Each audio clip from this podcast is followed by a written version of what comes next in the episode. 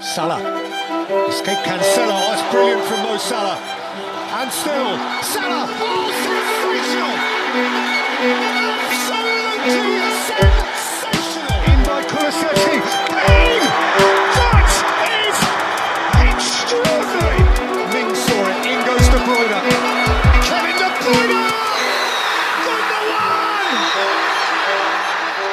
Hej allihopa och välkomna tillbaka till FBL ikväll. Vi är tillbaka efter ett landslagsuppehåll som, eh, jag ja, var ju sådär för svensk del måste man ändå säga. Det kanske är kul att komma tillbaka med lite FBL nu, eller vad känner du Gustav?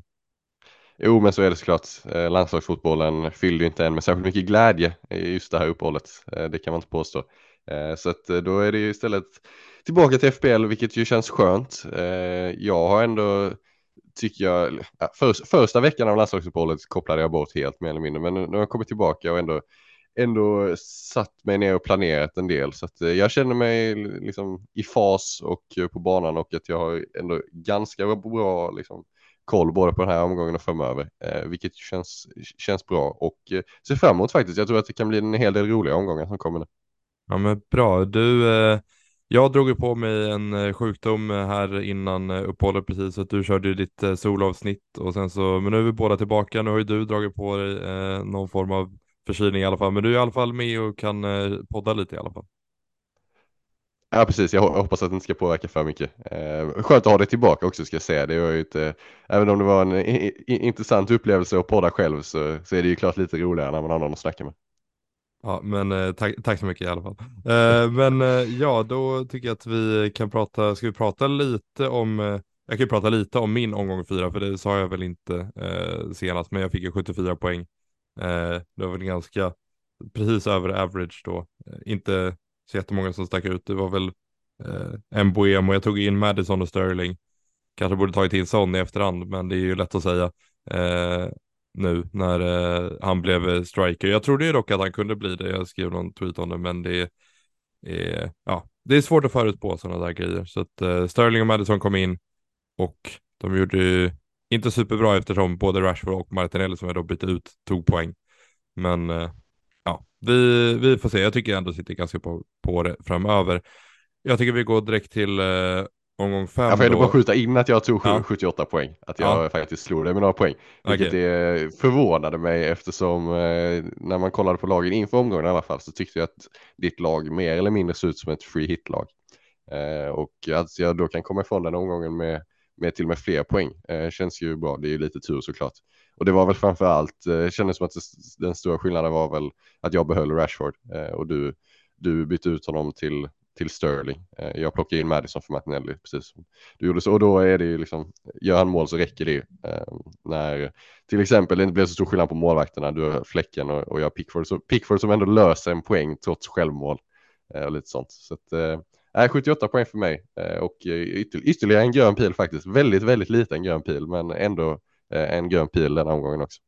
Det jobbigaste är ju nästan min eh, cityback, för att det är inte så många som sitter på cityförsvarare och efter två raka nollor i början där mot Burnley borta och Newcastle hemma så har de nu, eh, när jag tog in han då, släppt in mot Sheffield United borta och Fulham hemma. Eh, det, det, Du vet ju att det är så det kommer gå. Ja, så är det ju. Så, ja. jag, jag valde i alla fall den som har spelat, eh, den som har spelat mest i alla fall eh, i Diaz tror jag.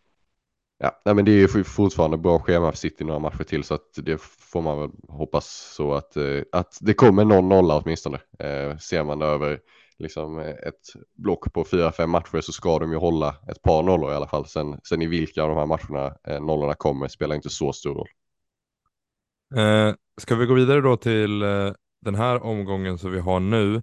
Eh, eller vad, ska vi köra dubbelomgången som vi har fått reda på? Eller vad, vad tycker du? Ja, men jag tycker ändå att vi kan börja med att snacka lite om, om dubbelomgången. Den kom ju lite, alltså den, den kom lite oväntat. Eh, visserligen så lyft, liksom, pratade ju Ben Crellin om det här inför säsongen, men vi har inte hört så mycket om det sedan dess.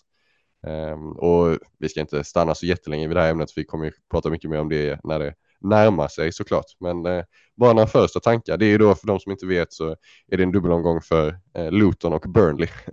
eh, Burnley har väl Newcastle borta och Luton borta i den dubbelomgången och Luton har Everton borta och Burnley hemma. Ehm, har du några initiala tankar kring den? Eh, ja, att omgång sju blir lite speciell ändå för att det finns ju argument, även fast alla säger ja, kolla vad som hände med King och Dennis och Weghorst och det, det har inte varit superbra exempel av eh, liksom lite halvkassa lag som har haft en bra dubbelomgång när det gäller att ta in spelare, men eh, det är såklart att man kollar mot eh, Carter Morris ändå, för han har ändå spelat 90 alla matcher och vi vet att han tar straffar. Det spelar alltså, spelar nästan ingen roll hur dåligt eh, fotbollslag det är, utan eh, ja, när, man, när man har 90 minuter och är forward och är på straffar så är det ju ett bra alternativ i FBL nästan, oavsett eh, vilket lag man spelar tycker jag. Och de möter ju två lag som är ungefär på samma nivå. Alltså Everton och Burnley. Det går inte att få en mycket bättre dubbelomgång. Ehm, så det är inte, det, det är väl det som avgör för mig känner jag. Hade det varit, hade en av de matcherna varit City eller Newcastle eller eller något riktigt bra lag, ja men då hade det kanske inte lockat så mycket för då hade det känts som en, en singelomgång plus två poäng. Eh, här är det två matcher där man, där, där jag i alla fall liksom har förhoppningar på Morris i båda dem och tror att, att han kan åtminstone leverera någonting. Och det ska ju sägas i en dubbelomgång för en anfallare, om man utgår från att han löser en eller två bonus om han gör mål, så räcker det med ett mål för att vara uppe på 10 poäng i omgång 7. Um, ehm, och då, så jag är ju väldigt säker på att jag kommer byta in Morris. Um, sen får jag se vem som, vem som får lämna, men jag, jag är, om inget, liksom, om inte halva mitt lag skadar sig eller så, eller om Morris skadar sig, så jag är säker på att, att han kommer finnas med i mitt lag till gånger sju. Jag, överväger faktiskt att binda honom också. eh, ska säga. Det är ju, Håland har väl Wolves i den omgången. Eh, så så beroende på hur många hattricks han hinner göra innan dess så, så får vi se vad man står inför omgång sju. Men jag ska inte, jag ska inte utesluta binden på Morris faktiskt. För, för varje, för varje Dennis-exempel som det finns så finns det ju också Richarlison till exempel samma säsong tror jag. Eh, som hade en dubbelomgång mot slutet. Everton var i nedflyttningstid. Såg inte alls bra ut och han löste väl 19 poäng. Eh, som sen dubblades till 38 för de som bildade honom. Så att, eh, det kan ju gå bra också. Det är ju viktigt att ha med sig. Mm. Det tycker jag är viktigt att ha med sig. Eh, ska vi då gå in lite på, ja, men vi kan börja med målvakter då, eh, om vi går eh, längst bak i leden. För att eh, en del som har bytt ut Pickford, den föll väl i pris i natt tror jag va? Eh, Pickford yes. som, eh, du kan inte bara, bara bättre och bättre, bara, bara bättre och bättre och roligare och roligare att ha honom i laget. Först självmål mm. och sen, sen ner i pris. Du har ju inte tappat jättemycket poäng på det. Alltså jag har ju tappat betydligt mer på att jag hade Jackson istället för Watkins till exempel än vad du har haft på att ha Pickford i laget. Så det, ja. Alltså det är, det är väl det som är grejen också, att det har inte funnits något alternativ egentligen som har levererat. Alltså, det, det, är nu samma sak om man ska kolla målvakten inför den här omgången. Det är ju, jag till exempel sitter med två, två fria byten, eh, jag vet inte riktigt vad jag ska göra. Eh, alltså, eller jag har ju en plan, men det finns inget, det finns inget byte som jag måste göra, om man säger så. Eh, och jag har Turner och, och Pickford då, och det kan man ju känna speciellt om Turner riskerar att tappa sin plats på lång sikt, att det kanske är ett problem den målvaktsturen. Men då när man börjar kolla på, på vem man skulle byta in om man byter ut Pickford. Alltså jag ser inte en enda målvakt som jag känner den här spelaren vill jag byta in. Det, det, jag hittar inte ett, alltså när man då eh, ska försöka hitta någon kombination av bra spelschema och ett försvar som är bättre än Evertons. Eller liksom inte på samma nivå. Eh, jag, jag hittar inte så många alternativ. Nej, alltså den enda som jag skulle kolla mot som eh, eh, om man då drar ett tidigt wildcard är typ Kaminski. För att han har ändå ganska ja. bra schema och en dubbelomgång. Och sen så. Ja men då ska ja. man sätta sig med en Luton-målvakt liksom. Mm, Hur vet. kul är det? Nej jag vet, men det är ändå, alltså det är ändå fullen borta Wolves hemma och sen en dubbelomgång. Och sen Spurs och sen dra wildcard. Men ja. Ja, nej mm. kanske, men då känner jag så här, eh, om vi, ja, de flesta som, alltså har man Pickford eller Johnston eller det kan till och med vara Fläcken så, och har Turner som andremålvakt så var ju planen för, för de flesta att starta Turner denna veckan i alla fall. Eh, vi har ju sett lite rapporter om, om liksom, från Nottingham Forest läget att, att folk tror att eh, deras nya målvakt från Benfica eh, kommer ta eh, första liksom, platsen som första målvakt på lång sikt. Men det är inte garanterat att han gör det direkt. Tror du att Turner startar nu i helgen? Det tror jag faktiskt inte att, att han eh, gör. Eh, jag skulle vara förvånad om han kom in direkt eftersom Turner har ju sett bra ut tycker jag. Jag tycker inte han har varit dålig på något sätt. Så Jag, jag Nej, tror ändå att han man- får, den här, får den här matchen i inte alla fall. Exakt, det är inte så att man sett någonting i Forest och känt att Turner har varit en svaghet direkt. Någon som måste bytas ut eh, så snabbt som möjligt. Så jag, jag tror nog att han kommer få stå fram tills att han liksom, gör något misstag som, som gör att okej, men då testar vi den, den nya målvakten. Så, så eh, jag tror ju att han kommer få starta i helgen i alla fall. Vilket ju, och då känner jag, ja men då är det ju ingen panik egentligen att göra ett målvaktsbyte. Eh, för att kan, man, kan Turner bara ta den här gången så får man ju se inför omgång sex då kanske. För då är det ingen av, varken Turner eller Pickford har någon, eh, någon särskilt bra match i omgång sex. Eh, så då får man se om man ska göra något då kanske. Men eh, det, är, ja, det är så oinspirerande alternativ tycker jag. Eh, när man kollar på vilka målvakter som finns. Så även om jag la upp en tweet igår onsdag och bara för att se vad, vad folk tyckte om ett lag. Se, om, om du hade haft det här laget, vad hade du gjort? Liksom? Och det var ju en majoritet som svarade, ja men bara byt ut Pickford. Men det var ju nästan ingen av dem som gav ett, liksom, också ett förslag på vilken målvakt som skulle in istället.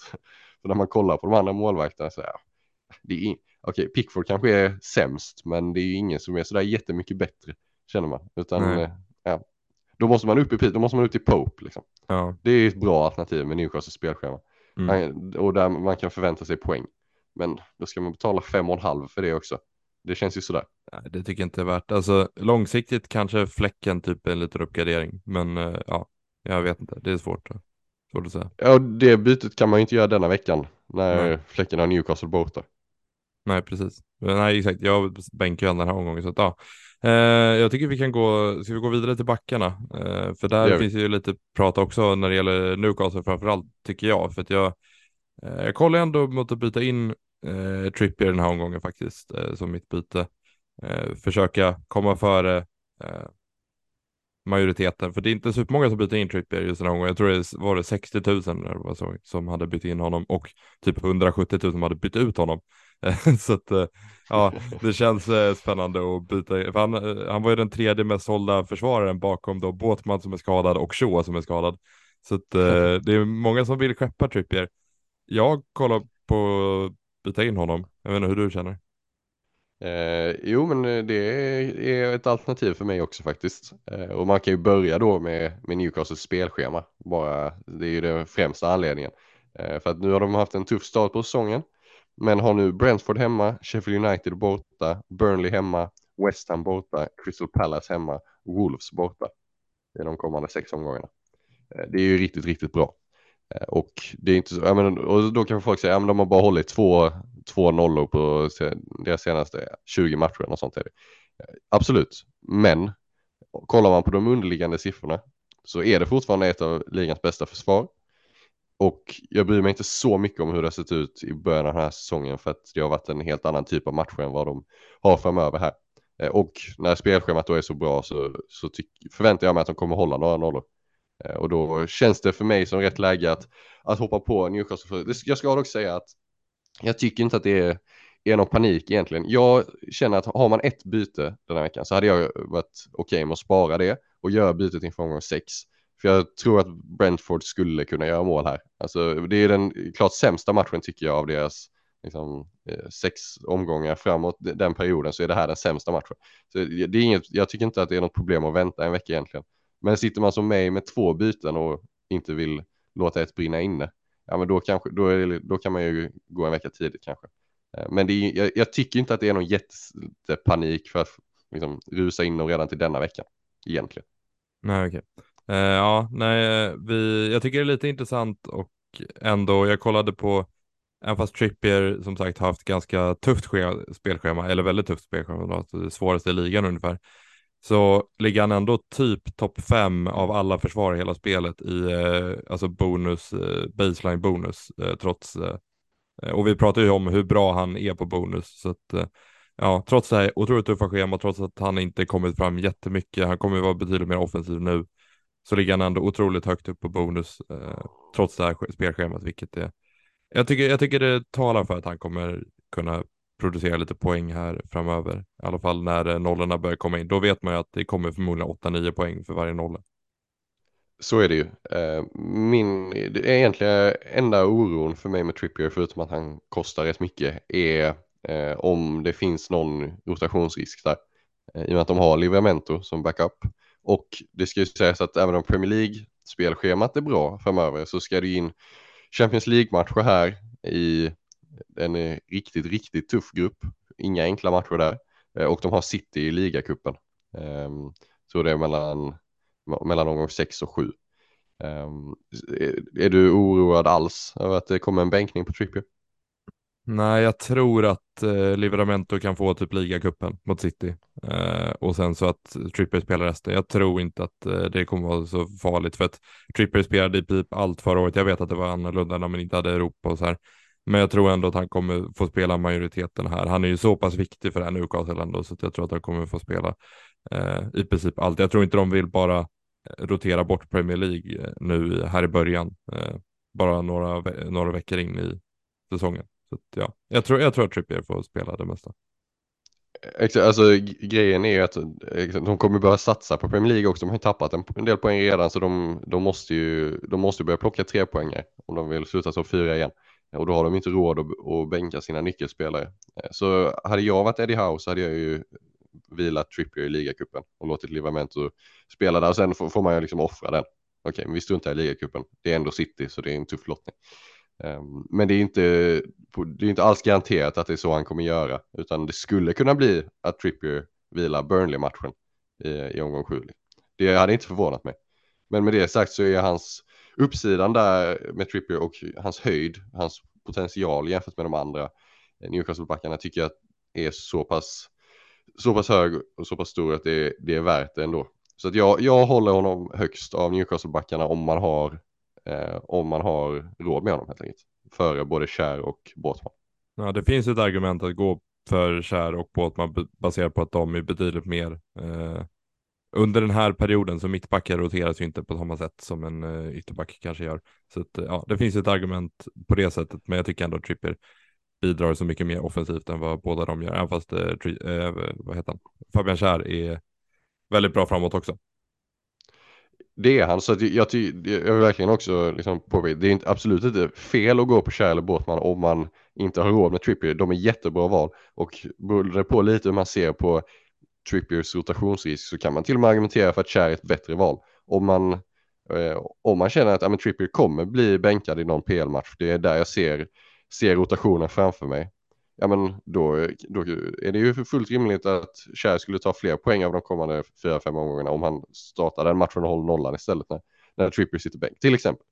Och i och med att de kostar, Cher kostar väl en och en halv miljon mindre än vad Trippier gör. Så att eh, det hänger också helt på vad man, vad man hade tänkt använda de pengarna till i sådana fall.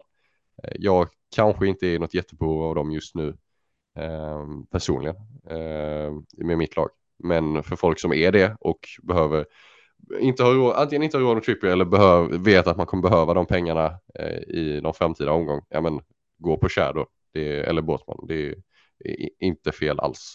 Men eh, också så här, det, vi, vi sitter och säger att det är enkelt att byta in en Newcastle-back nu, vem byter man ut då? Det känns ju svårare, tycker jag nästan. Det är väl eh, Estupinian som har ett tufft spelschema nu framöver, eh, men som de flesta ändå hade tänkt bänka denna veckan. Eh, och Saliba eh, som har eh, bra match denna veckan förvisso mot Everton. Men sen lite småtufft schema ändå.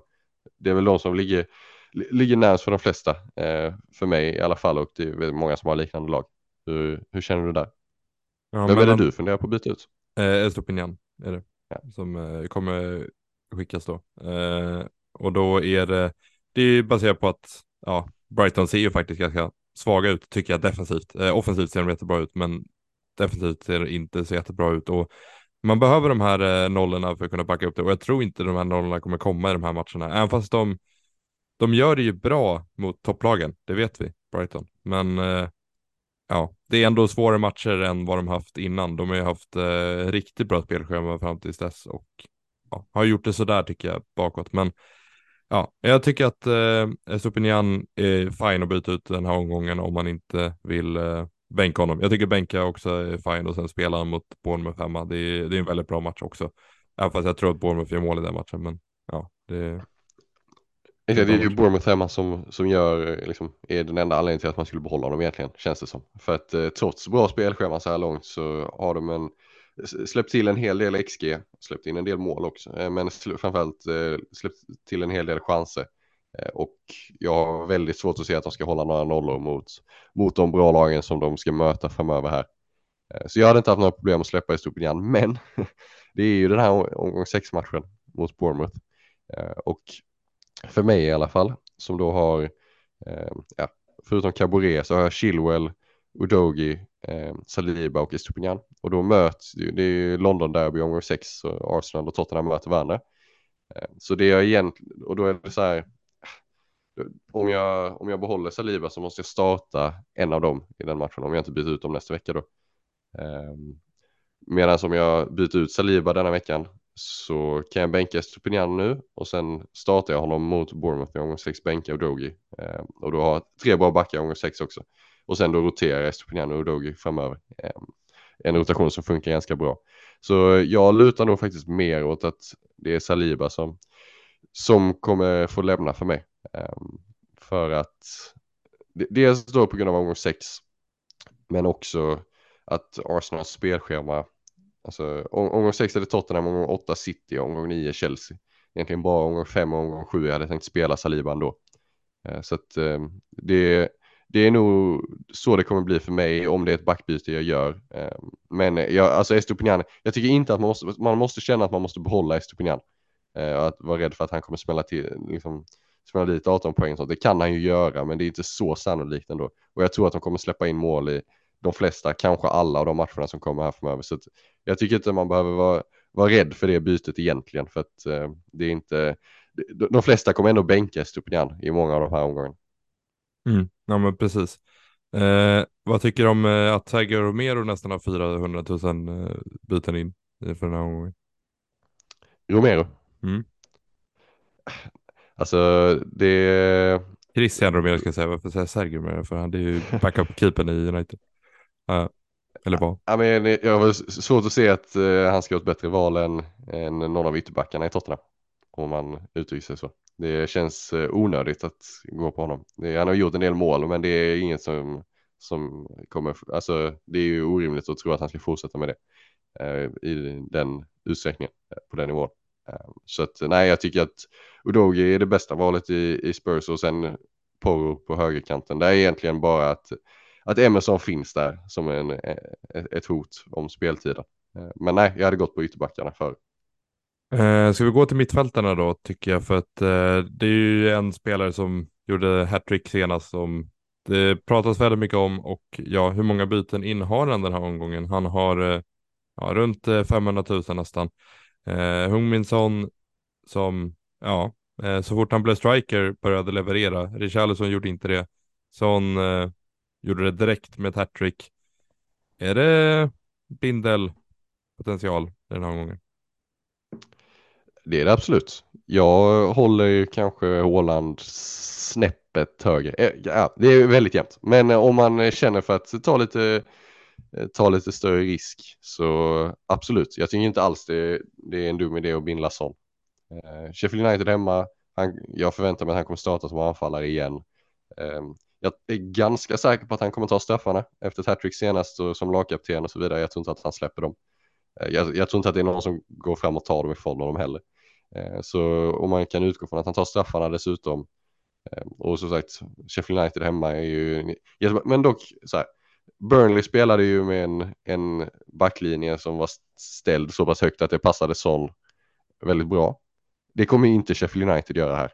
De kommer ju stå extremt lågt. Eh, hur tror du att det, hur mycket tror du det påverkar Son? Ja men det gör det väl ändå lite. Jag tycker ändå att det känns på förhand lite mer som en Madison-match än vad det känns som en sån match. Men eh, det är såklart att Son fortfarande är ett väldigt, väldigt bra val och vi vet att Son även kan spela mot låga försvar. Alltså det är ju väldigt, väldigt bra fotbollsspelare.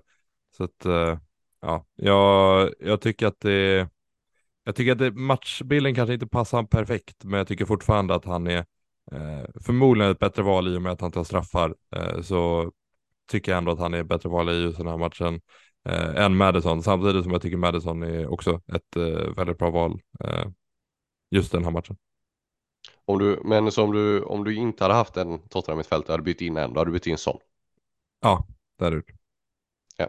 Ja, det, det håller jag med om. Det hade jag också gjort. Eh, men jag har ju Madison redan och sitter ganska nöjd där faktiskt. Jag tror inte att jag kommer plocka in sån. Ehm, när man kollar, det är ju egentligen två anledningar. Ehm, eller tre. Dels har jag ett bra mittfält redan, det är ingen jag vill byta ut egentligen. Ehm, men också så spelschemat för Tottenham. Alltså det är ju Sheffield United hemma nu, sen är det Arsenal borta och Liverpool hemma innan det är bra matcher igen i omgång 8 omgång 9. Och jag vet att folk säger att Arsenal och Liverpool är sådana lag som passar sån perfekt. Eh, I och med att de, de, in, de kommer inte stå lågt. Liksom. Eh, och absolut, det stämmer, men jag utgår ändå från att en, alltså, det är fortfarande bra lag de möter, det är tuffa matcher och det är tuffa matcher oavsett. Eh, jag kommer alltid tycka, alltså jämför man med Manchester United till exempel omgång 6 och omgång 7 så möter de Burnley och Crystal Palace. Alltså det är, det är alltid bättre att möta Burnley och Crystal Palace än att möta Arsenal och Liverpool, även om man är bra mot, mot lag som står med, med en hög backlinje. Eh, och då är det, för det är någonstans de, de spelarna jag måste jämföra, eller de lag jag måste jämföra, för att det är Bruno eller Rashford som ska ut för mig och sån ska in. Och bara rent kolla på spelschemat, jag tycker inte, jämför man dem så har United Brighton hemma här, Tottenham Sheffield United hemma. Det är bättre för Tottenham absolut, men jag kan tänka mig att United gör ett par mål ändå. Sen då två matcher som jag sa precis som jag tycker att är, är betydligt bättre för United. Sen i omgång åtta så tror jag att jag kommer byta in Son ändå. Att det är Saka som ryker då. Så att jag tror helt enkelt att jag kommer vänta tre veckor eh, med Son. Och det känns fine för mig faktiskt. För jag ska också säga en sista grej på Son bara att eh, eh Richarlison har ju inte spelat sin sista match för Tottenham. Han kommer ju, även om han kanske inte får starta så kommer han ju få hoppa in och få en del speltid. Han kommer inte, det kommer inte vara noll minuter i alla matcher framöver. Vilket gör att Son kommer inte få, han kanske spelar hela matchen men han kommer inte få 90 minuter som anfallare varje match utan då är det en timme, 70 minuter som anfallare och sen ut på vänsterkanten. Och på vänsterkanten så tycker jag att han blir eh, betydligt mindre effektiv och ett betydligt sämre val eh, liksom rent FPL-mässigt. Ja, vi ska ju nämna att eh, Brennan Johnson också värvats till Spurs, så det finns ju lite konkurrens där också med det nyförvärvet. Men ja, nej, precis som du säger, jag tycker United har väldigt bra spelschema. Alltså jag, även fast de inte gjort superbra ifrån sig så kollar jag ändå på att göra typ Madison till Rashford nästa vecka bara för att jag tycker schemat är ganska mycket bättre eh, för United än vad det är för Spurs. Så jag, tycker inte det, jag tycker inte man behöver ruscha in för att få sån om man har United mittfältare. Om du hade haft Foden, hade du gjort det bytet då, Foden till Son? Eh, den är ju tuffare tycker jag. Eh, men jag vet inte. Ja, den är jättetuff. Det är svårt. De har ju, City har ju Nottingham Forest hemma i omgång sex. Mm. Eh, Medan Tottenham och Arsenal borta och det skiljer den, det är ju en ganska stor skillnad i kvalitet på de motståndarna. Så det är väl mm. det som får folk att tvivla lite. Men jag tror att jag hade varit närmare att göra det bytet faktiskt. Mm, ja, eh. närmare absolut, det, det håller jag med om. Eh, så att ja, jag, jag, hade, jag hade kunnat köpa om man gör det bytet, absolut. Och det hänger väl också lite på om man vill bindla sån eller inte. Jag tror inte att jag hade bindlat sån ändå om jag hade plockat, jag, kan, jag är mm. osäker. Men eh, om man känner att sån är det bästa kaptensvalet den här veckan, man väldigt gärna vill sätta binda där, ja, men då förändrar det ju eh, hur, hur, liksom, om man ska plocka in honom eller inte, om det är värt det. Um, för att om man känner att det är där binden ska sitta, ja men då kanske det är, är rimligt att skicka Foden eller till och med skicka en United-mittfältare. Jag vet inte. Jag tycker inte att det är det just nu, eh, för mig i alla fall. Um, och det är väl där någonstans jag är i alla fall att, att sån, sån kan vänta till omgång åtta. Ja, nej men jag håller med. Uh, och uh, ja, det, jag måste säga att jag, jag har ju bara funderat lite på att eh, binda Madison över Håland. Vi gick, vet ju hur det eh, gick eh, senast och eh, ja, om jag går igenom det, om inte så blir det ett roligt poddavsnitt nästa vecka i alla fall. Eh, oavsett vad som händer nästan. Men eh, ja, vi, vi får se. Det, det, det är inte jättetroligt, men man vet aldrig. Eh, och eh, ska vi gå till anfallarna då, för då är det väl, eh, kan vi prata lite om vad man ska göra med han som är mest såld av alla eh, forwards just nu Nicholas Jackson mot Bournemouth. Eh, den mest sålda forwarden i spelet. Ja, man har ändå hört en hel del säga den här säsongen att, att det är mycket tuffare. Det är så många fler managers som är, är liksom riktigt bra den här säsongen som, som gör, liksom, som är engagerade, lägger mycket tid, mycket energi på det här och gör smarta transfers så ser man ändå liksom, att det är så många som skeppar Jackson inför, ja, alltså jag kanske kan förstå det i omgång 6 eller omgång 7 men då är det för att man ska ta in eh, Morris till exempel. Men att byta ut honom inför Bournemouth i omgång 5 nu här när de, alltså absolut han, han har ju inte liksom levererat sig till förväntningarna kanske, men den missen han gör mot Nottingham Forest, den är så grov att, att det ska ju typ inte gå att missa. Sätter han bara den, vilket man verkligen förväntade sig att han skulle göra, det är ingen som byter ut honom. Det är ingen som byter ut honom inför Bournemouth om han gör mål där. Så små marginaler är det ju. Eh, och då säger jag till mig själv i alla fall att ska man låta det, liksom, ska jag låta den missen betyda så mycket att jag går från att gladeligen behålla honom till att skeppa honom. Det kommer man ju såklart inte göra. Eh, så nej, han stannar åtminstone en vecka till i mitt lag. Och en av de mest inbytta är ju den skadade Evan Ferguson som folk verkar vilja gå till mot eh, United borta med väldigt fint spelschema som Brighton har. Nej, det har de ju verkligen inte. Men eh, ja, i alla fall, eh, Jackson tycker jag är ganska klart att behålla trots att han har misslyckats. Jag förstår att det är frustrerande. Jag har suttit på honom sedan omgång ett. Jag vet att det är frustrerande. Eh, men eh, ja, han har ju plockat ju gula kort mer än vad han gör mål. Men han har i alla fall kommit till väldigt många lägen och jag tycker man ska sitta still i båten där. Det måste jag verkligen säga. Alltså ge det en vecka till i alla fall. Jag, I omgång sex kan jag, när då Chelsea möter Aston Villa, så även om det är bra matcher i omgång 6, 7, 8, så då kan jag någonstans förstå att man gör byte till Morris som har eh, Wolves hemma och sen en dubbelomgång. Det är rimligt. Kanske är någonting jag kommer kolla på i omgång 6. Vi får se. Men detta är inte veckan att byta ut Jackson. Eh, det tycker jag verkligen inte. Det känns som ett, ett väldigt onödigt byte. Har man bara ett byte så spara bytet såklart. Har man två byten, det finns med största sannolikhet eh, bättre byten att göra än att, än att skeppa Jackson nu faktiskt. Ja, nej precis. Eh, vad eh, känner du? Har vi gått igenom det mesta eller är det någonting som du vill ta upp? Eh, nej, men jag tycker att vi har pratat om de mest aktuella spelarna i alla fall. Det är inte så många olika byten som folk funderar på den här veckan. Det känns som att det är antingen gör, är det målvaktsbyten eller så är det Newcastle back in eller då man går för sån. Eh, det är egentligen de varianter som finns. Jag tycker ju återigen som jag sagt ett antal gånger i det här avsnittet, har man bara ett fritt byte så är inte det här en vecka där man måste göra ett byte. De flesta har ett bra lag. Eh, så då kan man ju spara, känner jag. Mm. Men eh, har man två som jag har till exempel så måste man göra någonting och då är det väl, tycker jag att vi har pratat om de spelarna som är, som är mest aktuella för de flesta. Ja, jag tycker det är lite jobbigt när jag kollar på min bänk och så ser jag att Cabaret har tappat sin plats, för han vill man nästan ha i, man vill ha en dubbelomgång där känner jag.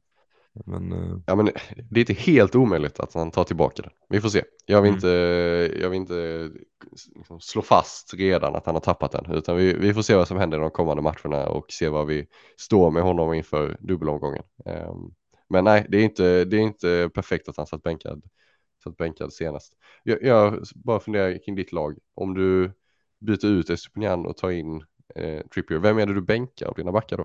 Eh, Ruben Diaz. Du har väl tre, du har väl Chilwell, Udogi och Diaz? Ja, nej det blir Diaz mot West Ham borta. Jag, jag, alltså, han, City kommer säkert hålla nollan bara för det, men jag känner att eh, av, eh, av de matcherna som jag kan bänka Diaz så är det väl eh, mot West Ham borta för att, alltså det känns som att det kommer passa West Ham ganska bra ändå. De är ganska bra. Vi vet ju att de kommer sitta lågt i den här matchen. De kommer sitta otroligt lågt. Eh, och det är på hemmaplan och får publiken bakom sig. Jag tror att de kommer få in en boll. Det känns som Antonio alltid lyckas få in en boll mot eh, eh de här typen av lag. Så att, ja, nej, jag tror att eh, Ruben Diaz kommer vara bättre. Han har ju inte jättemycket höjd. Det är ju det. Eh, det som nej, barn. det är ju sex poäng, kanske mm. någon bonus. Så uh, ur det perspektivet så kan jag förstå det. Även om jag inte tror att jag hade gjort det bytet faktiskt. Jag tror jag, jag tror jag hellre hade bara spelat Diaz och gått in i nästa vecka med två fria byten. Men ja. samtidigt, ja, det, är inte, det är inte fel att vara lite tidig på Newcastle så är det ett byte du slipper göra nästa vecka. Ja, nej men eh, och då nästa vecka då ska jag liksom, då har ju Estopinian eh, Bournemouth femma så då kommer inte jag göra det bytet heller då så att, ja, jag vet inte. Ja. Eh, vi... hur, eh, men hur nära är du att binda Madison? Är det, liksom, äh... är det seriöst någonting du överväger så? Det är det. Alltså, jag tycker, jag, så här, det, det, är väl någonting jag överväger baserat på att jag tror att Sheffield United kommer passa Madison väldigt, väldigt bra i den typen av match när de står väldigt lågt.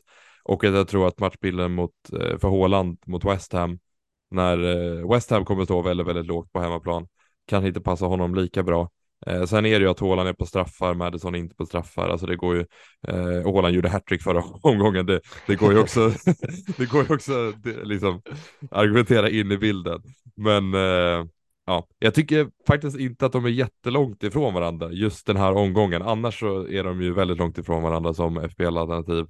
Men baserat på vad jag har sett från Sheffield United, det är, det är ruggigt svagt. West Ham har ju faktiskt sett ganska bra ut tycker jag, men det har ju Håland också gjort, så ja, det, det, är, det, är svårt att, det är svårt att säga. Jag, kanske, jag, jag får se om, jag över, eh, om det blir så, men det jobbiga är väl så här, ja, säsongen kan ta slut här. Men vi, vi, jag, jag, jag, tror, jag tror inte att, här, om jag går emot Håland så känns West Ham borta som, här, det känns inte som världens sämsta match att gå emot honom. Men eh, ja. Nej, jag, jag, tror inte att eh, skillnaden i poäng kommer vara så stor, säger jag nu och sen ser jag Håland 3 plus 2 Madison blanka. Men eh, jag tycker ändå, jag hade hållit Madison som det fjärde bästa kaptensvalet den här veckan efter eh, Sala, Son och Håland. Mm. Jag tycker det är de tre bästa. Um, och just eftersom man inte tar straffar och så vidare så jag, jag hade ju hellre Son, att bindla Son över Håland, det kan jag köpa. Um, Madison, ah, det är inget jag har funderat på överhuvudtaget faktiskt. Nej. Men såklart, vi har lite olika spelstil. Ja, nej men så är det. Uh, ja, men då tycker jag vi tackar för oss den här omgången och så är vi tillbaka uh, nästa vecka då inför omgång sex så får vi se om uh, Madison har gjort hattrick eller om Håland ja, har, har gjort det bra han också. Det, det lär ju bli så. Men ja, vi får tacka att ni har lyssnat på, på oss det här avsnittet och så hörs vi nästa vecka. Ha det bra allihopa. Hej då!